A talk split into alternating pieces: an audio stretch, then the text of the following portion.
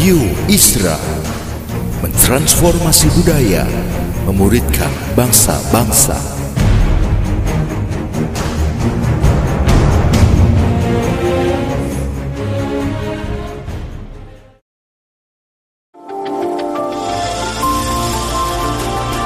Voice of Pradaim menyuarakan paradigma kebenaran firman Tuhan yang esensi untuk memperlengkapi Anda menggenapi misi dan panggilan ilahi. Selamat mendengarkan.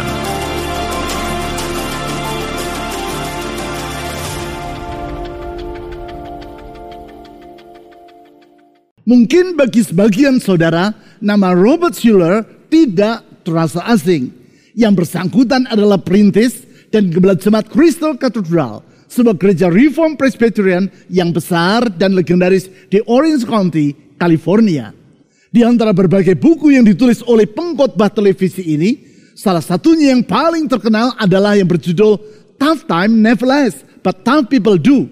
Kalimat yang kalau saya terjemahkan secara bebas, yaitu agar maknanya lebih mudah untuk dipahami, adalah sebagai berikut. Masa sukar tidak akan kunjung berakhir, namun orang yang tabah akan mampu bertahan sampai akhir. Terlepas tentang khotbah bernuansa positive thinking yang ia sampaikan, apa yang dikemukakan oleh Robert Schuller dalam judul bukunya tadi adalah patut untuk diaminkan. Sebab memang adalah suatu realitas bahwa kesukaran dalam kehidupan ini tidak akan pernah ada akhirnya. Suka atau tidak suka, diakui maupun tidak diakui, memang selama kita masih hidup di dunia ini, maka kesukaran akan selalu datang secara silih berganti. Entah itu kesukaran dalam hal pekerjaan, rumah tangga, kesehatan, relasi bermasyarakat, dan berbagai kesulitan lainnya. Tanpa usah diundang pun, mereka akan datang dengan sendirinya dalam hidup manusia. Di dalam menghadapi kondisi yang tak terelakkan tersebut, salah satu hal yang diperlukan adalah ketabahan alias sikap tidak mudah menyerah. Dengan kata lain, memang adalah benar. But tough time never lasts, but tough people do. Masa sukar tidak akan kunjung berakhir. Namun orang yang tabah akan mampu bertahan sampai akhir. Artinya, bila kita tidak dapat meniadakan kesukaran, maka bukan berarti dengan demikian hidup kita harus menjadi berantakan. Sebab sesungguhnya masih ada yang dapat kita lakukan, yaitu membangun sikap yang tabah dalam diri kita. Ketabahan yang akan menyanggupkan kita untuk menghadapi kesukaran dan melewatinya dengan berkemenangan. Pentingnya untuk membangun sikap yang tabah ini pula lah yang diutarakan Allah kepada Yosua. Sikap yang sangat diperlukan oleh Yosua sebagai seorang pemimpin yang akan membawa umat Tuhan untuk memasuki negeri Kanaan yang Allah janjikan kepada umatnya. Upaya untuk meraih masa depan yang gemilang dan upaya yang bukannya akan berlangsung tanpa rintangan. Justru berbagai rintangan yang tidak mudah sedang menanti perjalanan mereka. Sedemikian pentingnya sikap tabah ini, sehingga dalam Yosua pasal 1 ayat 6 sampai 9 Allah menyampaikannya secara berulang-ulang. Di ayat-ayat tersebut, Allah bukan hanya memerintahkan agar Yosua hidup dengan sikap yang tabah, namun ia juga menjelaskan langkah-langkah apa yang perlu dilakukan oleh Yosua untuk membangun ketabahan tersebut. Sehingga dengan demikian, menghadapi masa depan yang tidak mudah, termasuk masa sukar karena pandemi yang melanda seluruh dunia selama dua tahun terakhir, kita tidak perlu hidup dalam keputusasaan ataupun bersikap apatis. Sebaliknya, oleh pertolongan Tuhan, kita akan dapat meraih hari esok seperti yang Tuhan janjikan dan kita dambakan. Untuk melihat perintah Allah tentang hidup dengan sikap yang tabah dan langkah-langkah untuk membangun sikap tersebut, saya ajak saudara membaca ayat-ayat yang telah saya sebutkan tadi, yaitu Yosua pasal pertama ayat 6 sampai 9. Yosua pasal 1 ayat 6 sampai 9. Kuatkan dan teguhkanlah hatimu. Sebab engkaulah yang akan memimpin bangsa ini memiliki negeri yang kujanjikan dengan bersumpah kepada nenek moyang mereka untuk diberikan kepada mereka. Hanya kuatkan dan teguhkan hatimu dengan sungguh-sungguh. Bertindaklah hati-hati sesuai dengan seluruh hukum yang telah diperintahkan kepadamu oleh hambaku, Musa. Janganlah menyimpang ke kanan atau ke kiri, supaya engkau beruntung ke mana pun engkau pergi. Janganlah engkau lupa memperkatakan kitab Taurat ini. Tetapi renungkanlah itu siang dan malam. Supaya engkau bertindak hati-hati sesuai dengan segala yang tertulis di dalamnya. Sebab dengan demikian perjalananmu akan berhasil dan engkau akan beruntung. Ayat 9. Bukankah telah kuperintahkan kepadamu? Kuatkan dan teguhkanlah hatimu Janganlah kecut dan tawar hati, sebab Tuhan Allahmu menyertai engkau ke mana pun engkau pergi. Ayat-ayat yang baru kita baca ini berisi firman yang Tuhan sampaikan kepada Yosua ketika bangsa Israel telah tiba di sisi timur sungai Yordan. Sebagaimana yang ditulis di ayat 1 dan 2, ketika mereka tiba di perbatasan negeri kanan tersebut, Musa meninggal dunia. Musa, hamba Allah ini pakai Tuhan secara luar biasa untuk memimpin umatnya keluar dari Mesir. Menyeberangi Laut Tebrau. Berjalan selama 40 tahun melewati padang gurun di antara Mesir dengan Kanaan. Dan yang pelayanannya ditandai dengan berbagai mujizat yang hebat. Tidak lagi bersama dengan mereka. Sedangkan negeri yang terbentang di hadapan mereka, yaitu negeri Kanaan, tidak pernah mereka masuki sebelumnya. Artinya, sekarang mereka harus menghadapi situasi yang serba baru dan yang tidak pernah mereka kenal sebelumnya. Di antara mereka, hanya Yosua dan Kaleb yang pernah menginjakkan kaki di negeri tersebut. Yaitu ketika 40 tahun yang silam, mereka berdua bersama dengan 10 orang pengintai lainnya mengintai negeri tersebut. Tentu Yosua masih ingat betapa kuatnya pertahanan militer bangsa Kanaan dan di antara mereka terdapat orang-orang enak, yaitu penduduk kanan yang bertubuh tinggi besar. Bukan itu saja. Tentu Yosua tidak dapat melupakan bagaimana reaksi umat Israel 40 tahun yang lampau. Ketika bangsa itu mendengar laporan tentang beratnya tantangan yang harus mereka hadapi di Kanaan. Di dalam kitab bilangan pasal 14 dicatat bahwa saat itu mereka menjadi marah dan memberontak kepada Tuhan. Mereka juga bermaksud untuk melontari Yosua dan Kaleb dengan batu. Karena mereka berdua berusaha menenangkan hati umat Tuhan. Di dalam pemberontakan tersebut, bangsa Israel berniat untuk kembali ke Mesir.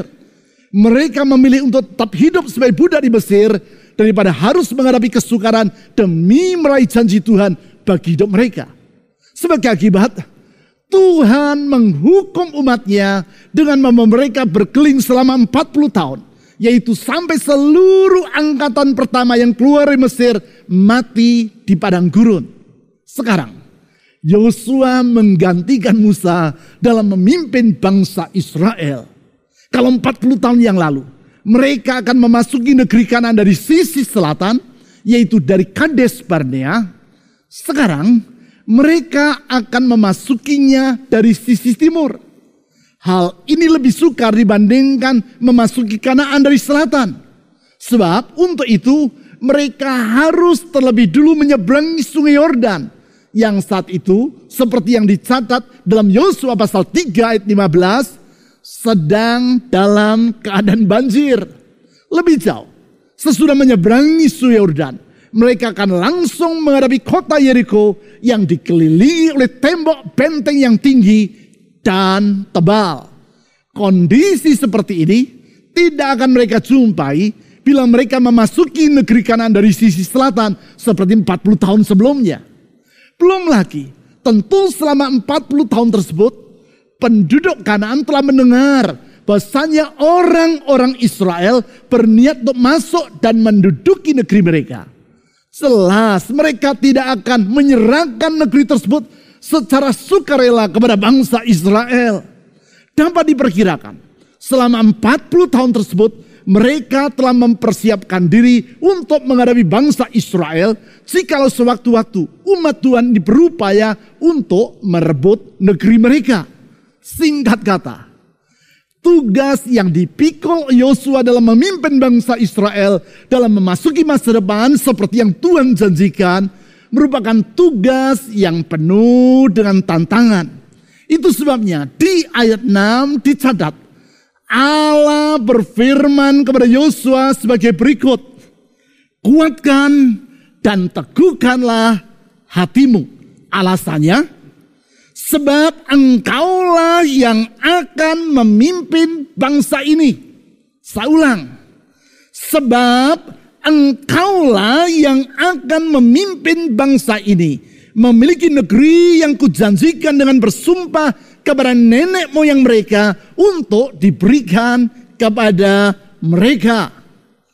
Tuhan mengulang kalimat yang ia ucapkan kepada Yosua yaitu kuatkan dan teguhkanlah hatimu ini sebanyak tiga kali.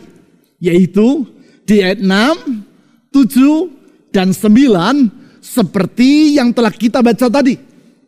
Bahkan di ayat 9 Tuhan menegaskan bahwa sikap tersebut bukan sekadar suatu anjuran, yaitu Yosua, kalau engkau tidak berkeberatan, sebaiknya engkau menguatkan dan meneguhkan hatimu. Tetapi kalau engkau tidak berminat, juga tidak apa-apa. Kan ini hanya sekadar suatu nasihat saja. Bukan. Bukan seperti itu yang Tuhan katakan kepada Yosua.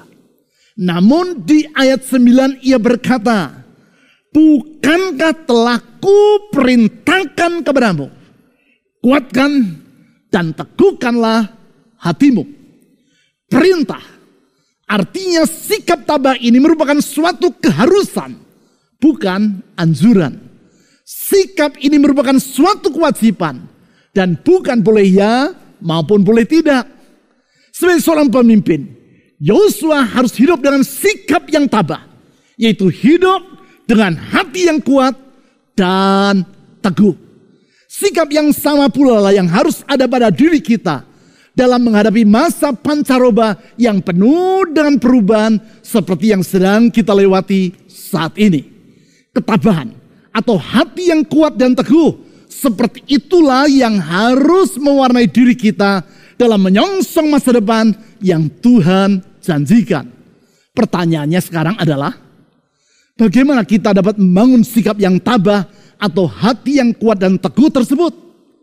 Jelas tidak ada obat yang kalau kita minum akan membuat hati kita berubah menjadi tambah. Saudara pergi ke apotek mana pun di dunia ini untuk membeli obat tambah hati, saudara tidak akan menemukannya. Jadi, bagaimana kita dapat hidup dengan sikap yang tabah tersebut? Itulah yang Tuhan paparkan kepada Yosua di ayat 7 dan 8. Di situ Allah menyebutkan tiga langkah yang harus dilakukan oleh Yosua.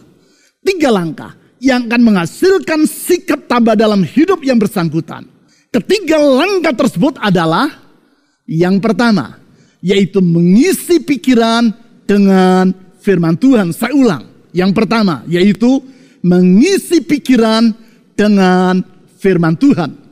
Perintah Tuhan ini dicatat di ayat 8 dengan kalimat, Janganlah engkau lupa memperkatakan kitab Taurat ini.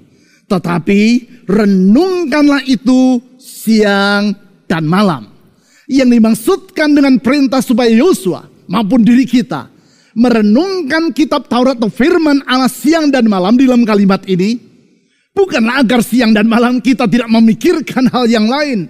Kecuali hanya firman Tuhan saja. Tentu perintah Tuhan ini tidak boleh ditafsir atau diartikan seperti demikian. Jadi, apakah arti dari merenungkan Taurat atau firman Tuhan siang dan malam? Hal ini telah saya bahas dalam uraian firman Tuhan yang saya sampaikan pada minggu ketiga bulan Agustus tahun yang lalu. Uraian firman Tuhan dengan tajuk perenungan yang menyegarkan. Dalam kesempatan tersebut, berdasarkan makna dari kata merenungkan dalam bahasa Ibrani, yaitu haga, yang artinya antara lain adalah to ponder atau merenungkan, to murmur atau bergumam, saya telah menjelaskan bahwa yang dimaksudkan dengan merenungkan firman Tuhan di situ adalah membaca firman Tuhan secara perlahan dan berulang-ulang. Langkah ini sama seperti seorang yang membaca surat yang ditulis oleh seorang yang ia kasihi. Ia akan membaca surat tersebut dengan perlahan dan berulang-ulang. Ia akan membacanya seakan-akan sang penulis surat yang ia cintai tersebut sedang bersama dengan dirinya dan duduk di sampingnya. Ia membaca surat itu dengan maksud untuk semakin mengenal pribadi yang menulisnya dan mempererat relasi dengan yang bersangkutan. Hal ini berbeda dengan cara orang dalam membaca surat kabar. Tujuan orang dalam membaca surat kabar adalah untuk memperoleh informasi dari apa yang ia baca. Apabila ia sudah merasa memperoleh informasi yang ia butuhkan, maka ia tidak akan terus membaca berita atau artikel tersebut sampai habis. Oleh karena itu, Jarang ada orang yang membaca suatu berita secara berulang-ulang maupun ingin mengetahui siapakah wartawan yang menulis berita yang ia baca. Bagi yang bersangkutan, yang terpenting adalah memperoleh informasi yang ia perlukan. Sedangkan siapa penulis berita tersebut tidak ia pedulikan. Lain halnya dengan merenungkan atau memenuhi pikiran kita dengan firman Tuhan. Tujuan dari merenungkan firman Tuhan bukan sekadar untuk memperoleh informasi.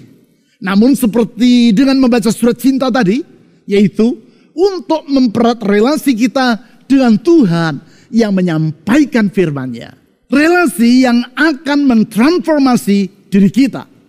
Karena bila informasi belum tentu akan mengubah pola pikir kita, maka relasi akan sangat mempengaruhi sikap hati kita. Itulah yang ditulis dalam 1 Korintus pasal 15 ayat 33. Alhasil, dengan merenungkan firman Tuhan, maka hati yang kuat dan teguh akan terbangun dalam hidup kita. Oleh karena itu, saya sangat menganjurkan saudara agar mengikuti kembali khotbah dengan judul Perenungan yang Menyegarkan. Sebagaimana yang telah saya sebutkan tadi. Tautan dari khotbah tersebut dapat saudara peroleh di bagian bawah dari YouTube channel yang sedang saudara ikuti ini. Selanjutnya, langkah yang kedua untuk membangun sikap yang tabah adalah mengucapkan kata-kata yang sesuai dengan firman Tuhan. Saya ulang, yang kedua, mengucapkan kata-kata yang sesuai dengan firman Tuhan. Hal tersebut diutarakan di ayat 8 yang sudah kita baca tadi. Di situ Allah berkata kepada Yosua, janganlah engkau lupa memperkatakan kitab Taurat ini. Memang, mengucapkan atau memperkatakan firman Tuhan akan sangat berdampak terhadap ketabahan hati kita. Sebab kata-kata yang diucapkan orang dan yang masuk dalam pikiran kita sedikit banyak akan mempengaruhi diri kita. Apabila kata-kata yang diucapkan itu bersifat melemahkan iman, seperti misalnya, kamu tidak akan mampu menghadapi kesukaran ini. Kamu pasti akan gagal dalam usaha ini. Dan kemudian kita mempercayainya, maka akibatnya semangat juang dalam diri kita akan merosot dan ketabahan hati kita akan menurun. Sebaliknya, apabila pikiran kita dipenuhi dengan firman Tuhan, dan kita mengucapkan firman Tuhan tersebut kepada diri kita sendiri, maka hal tersebut akan berdampak secara positif terhadap iman kita. Karena seperti yang ditulis dalam Roma pasal 10 ayat 17, firman Tuhan akan menimbulkan iman. Alhasil, hati kita akan baik kuat dan teguh. Dan kita dapat bersikap tabah dalam menghadapi berbagai kesukaran yang menghadang dampak dari kata-kata yang kita ucapkan kepada diri kita sendiri tersebut dikemukakan oleh Norman Wright, seorang konselor keluarga Kristen yang terkenal. Dalam bukunya yang berjudul A Better Way to Think atau cara yang lebih baik dalam berpikir, research professor dalam bidang Christian Education pada Biola University di California dan penulis yang telah menulis 80 judul buku tersebut menjelaskan akibat dari self-talk atau berbicara kepada diri sendiri terhadap kehidupan kita. Dalam buku tersebut, ia menulis seperti berikut. Is our self-talk all that important? Absolutely. What you say to yourself can control and direct your life, build or destroy relationships, determine whether you will fail or succeed. Apakah kata-kata yang kita ucapkan kepada diri kita sendiri sedemikian pentingnya? Sangat. Apa yang Anda katakan kepada diri sendiri dapat mengendalikan dan mengarahkan hidup Anda. Membangun atau menghancurkan hubungan. Menentukan apakah Anda akan gagal atau berhasil. Oleh karena itu kita harus berhati-hati dengan apa yang kita ucapkan kepada diri kita sendiri. Apabila yang kita ucapkan adalah kata-kata yang melemahkan iman, yaitu sebentar-sebentar kita berkata, Duh, repot. Ini sulit. Ini berat. Maka akan sulitlah bagi kita untuk mengalami keberhasilan. Sebaliknya, kalau yang kita ucapkan adalah kata-kata yang sesuai dengan firman Tuhan. Seperti segala perkara dapat kutanggung dalam dia yang memberi kekuatan kepadaku.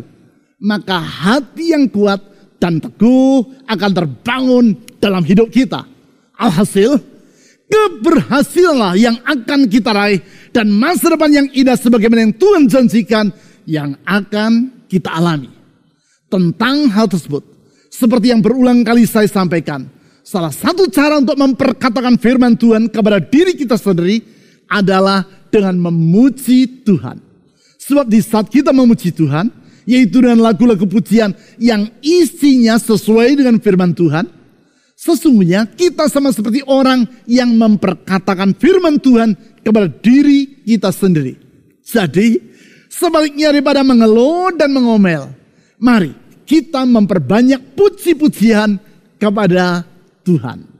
Sekarang, langkah ketiga untuk membangun sikap yang tabah adalah mengambil tindakan yang selaras dengan firman Tuhan. Saya ulang, mengambil tindakan yang selaras dengan firman Tuhan.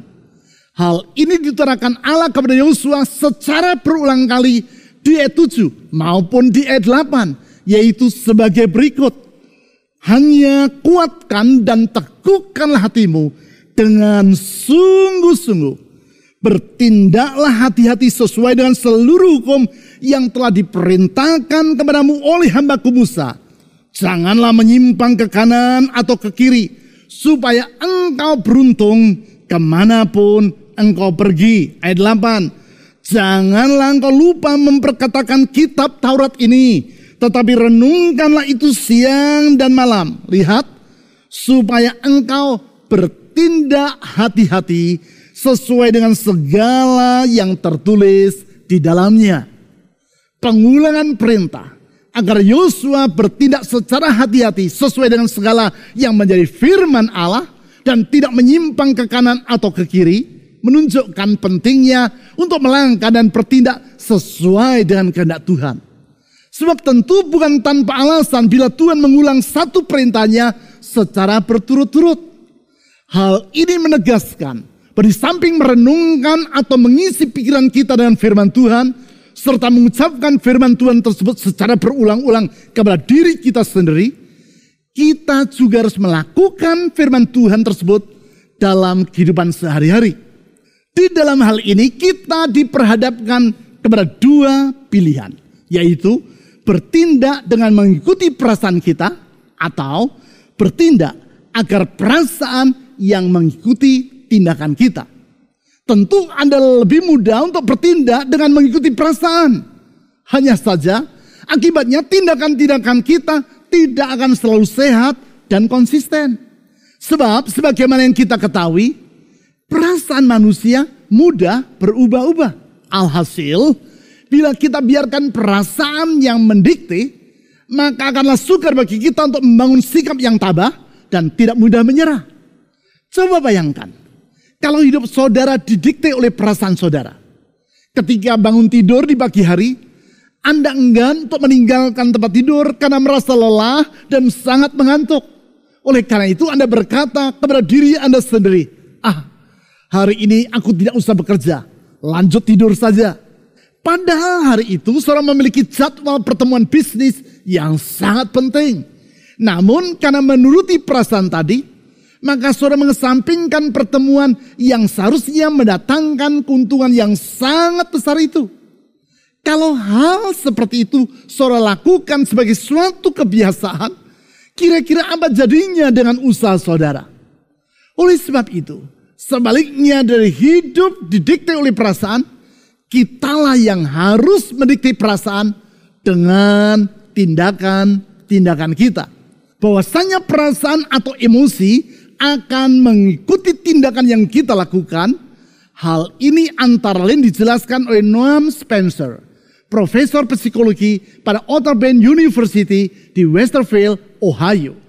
Dalam tulisannya di majalah Psychology Today, Noam Spencer menjelaskan, apabila kita ingin mengubah perasaan kita, maka yang perlu kita lakukan adalah mengubah tindakan-tindakan kita. Karena pada akhirnya tindakan-tindakan kita akan membentuk emosi atau perasaan dalam hidup kita. Sebagai contoh, untuk membangun sikap rajin, yang perlu Anda lakukan adalah bertindak, yaitu bekerjalah secara rajin. Tindakan ini akan mengakibatkan lama-kelamaan sifat rajin akan bertumbuh dalam diri saudara. Demikian juga untuk menumbuhkan perasaan kasih, yang perlu saudara lakukan adalah mengambil langkah, yaitu melakukan tindakan-tindakan kasih terhadap orang yang harus Anda kasihi. Seperti misalnya, memberi hadiah kepada orang tersebut, menyapa yang bersangkutan dengan ramah, dan berbagai perbuatan kasih lainnya. Kalau Anda melakukannya secara terus-menerus, maka lama-kelamaan perasaan kasih akan tumbuh dalam diri saudara terhadap yang bersangkutan. Demikian juga untuk membangun ketabahan karena itu di ayat 7 dan 8 tadi, dengan wanti-wanti Tuhan berpesan agar Yosua menjadi pelaku firman Tuhan. Sebab dengan demikian, maka firman Tuhan yang memberi kekuatan dan ketabahan itu akan mempengaruhi sikap dan perasaan dalam diri Yosua. Alhasil, seperti yang ditulis di ayat 9, maka bukannya perasaan kecut dan tawar hati, namun hati yang tabah, yaitu hati yang kuat dan teguh yang akan memenuhi hati Yosua. Di saat yang sama, sikap tersebut akan diperteguh bila Yosua mempercayai janji Tuhan di ayat tersebut, yaitu bila ia melakukan semua yang Allah perintahkan, maka Tuhan sendirilah yang akan menyertai Yosua ke mana pun ia pergi. Semua itu akan mengakibatkan sebaliknya dari merasa takut, maka Yosua dapat menyongsong hari esok dengan hati yang kuat dan teguh. Sebaliknya dia merasa berputus asa dan bersikap apatis. Yosua akan mampu menghadapi masa depan dengan hati yang tabah. Memang, agar umatnya mengalami rencananya, Tuhan tidak menjanjikan jalan tol yang bebas hambatan. Sebaliknya, dengan terus terang, ia mengutarakan bahwa untuk menjangkau masa depan, sama seperti yang dialami oleh Yosua dan umat Israel, kita harus bersedia menghadapi tantangan dan kesukaran. Tetapi dalam semuanya itu kita tidak usah merasa khawatir ataupun berputus asa. Sebab apabila Tuhan menyertai kita seperti yang ia janjikan di ayat 9, maka keberhasilan dan keberuntunganlah yang akan kita alami. Keberhasilan dan keberuntungan yang ia janjikan di ayat 8, yaitu dengan syarat bahwa Yosua harus senantiasa merenungkan atau memenuhi pikirannya dengan firman Tuhan. Mengucapkan kata-kata yang sesuai dengan firman Tuhan. Dan mengambil tindakan yang selaras dengan firmannya. Tiga langkah tersebut akan mengakibatkan Yosua dan umat Tuhan dengan tambah terus bergerak maju atau press on yaitu sampai rencana Tuhan dikenapi dengan sepenuhnya dalam hidup mereka. Di sinilah pentingnya bagi kita untuk mengawali setiap hari dengan melakukan ibadah harian. Melaluinya kita merenungkan firman Tuhan dan mengucapkan firman Tuhan tersebut dalam doa dan pujian kita kepadanya. Selanjutnya di sepanjang hari kita menjaga agar langkah hidup kita sesuai dengan firman Tuhan yang telah kita renungkan tersebut. Kehidupan seperti itulah yang digambarkan dalam Mazmur pasal 1. Bagaikan pohon yang ditanam di tepi aliran air. Yang tidak layu daunnya. Yang menghasilkan buahnya pada musimnya. Dan apa saja yang diperbuatnya dijadikan Tuhan berhasil. Dengan kata lain, sebaliknya dari hidup dalam keputusasaan dan bersikap apatis terhadap masa depan. Mari kita terus bergerak maju. Press on. Mari kita menjangkau kanaan. Yaitu hari esok yang indah yang Tuhan janjikan dan yang kita dambakan. Bersama dengan Tuhan Yesus. Dan di dalam penyertaan roh kudusnya. Keberhasilan dan keberuntunganlah yang kita akan alami dalam kehidupan kita. Mari kita berdoa. Tuhan Yesus, kalau Engkau yang menyertai kami dan menuntun hidup kami, tiada apa pun yang harus kami takutkan dan khawatirkan dalam hidup ini. Karena bersama dengan Tuhan Yesus, kami akan mampu melakukan perkara-perkara yang besar dan menjangkau hari esok seperti yang Tuhan janjikan. Oleh karena itu Tuhan Yesus kami berdoa rohmu yang memenuhi hidup kami, membangkitkan ketabahan dalam jiwa kami. Firmanmu memberikan keteguhan dalam hidup kami. Karena kami percaya firmanmu ya dan amin. Janjimu tidak pernah engkau ingkari. Apa yang kau katakan pasti akan kau genapi tepat pada waktunya. Oleh sebab itu Tuhan Yesus tolong kami memenuhi pikiran kami dengan firman-Mu, memenuhi kata-kata kami dengan firman-Mu dan melakukan tindakan-tindakan yang selaras dengan firman-Mu. Dan di situ Engkau berjanji, keberhasilan dan keberuntungan akan menyertai hidup kami. Tuhan Yesus, genapi janjimu. Di saat kami melangkah memasuki hari esok yang serasa tidak menentu, tapi kami tahu bersama dengan Tuhan ada kepastian hari esok yang indah seperti yang kau rencanakan. Dalam iman kepadamu saya berdoa sekarang. Ulurkan tangan kasih dan kuasamu itu. Menjamah setiap orang yang berseru kepadamu. Membuka jalan di tiada jalan. Mementangkan harapan bagi mereka. Apa pun kesulitan yang sedang mereka hadapi. Di dalam Tuhan Yesus ada jawaban. Di dalam Tuhan Yesus ada jalan keluar. Di dalam Tuhan Yesus selalu ada pertolongan yang tepat pada waktunya. Di dalam nama di atas segala nama, yaitu nama Yesus Kristus, Tuhan dan Juru Selamat yang hidup. Amin. Dengan sayapmu, ku akan terbang tinggi di tengah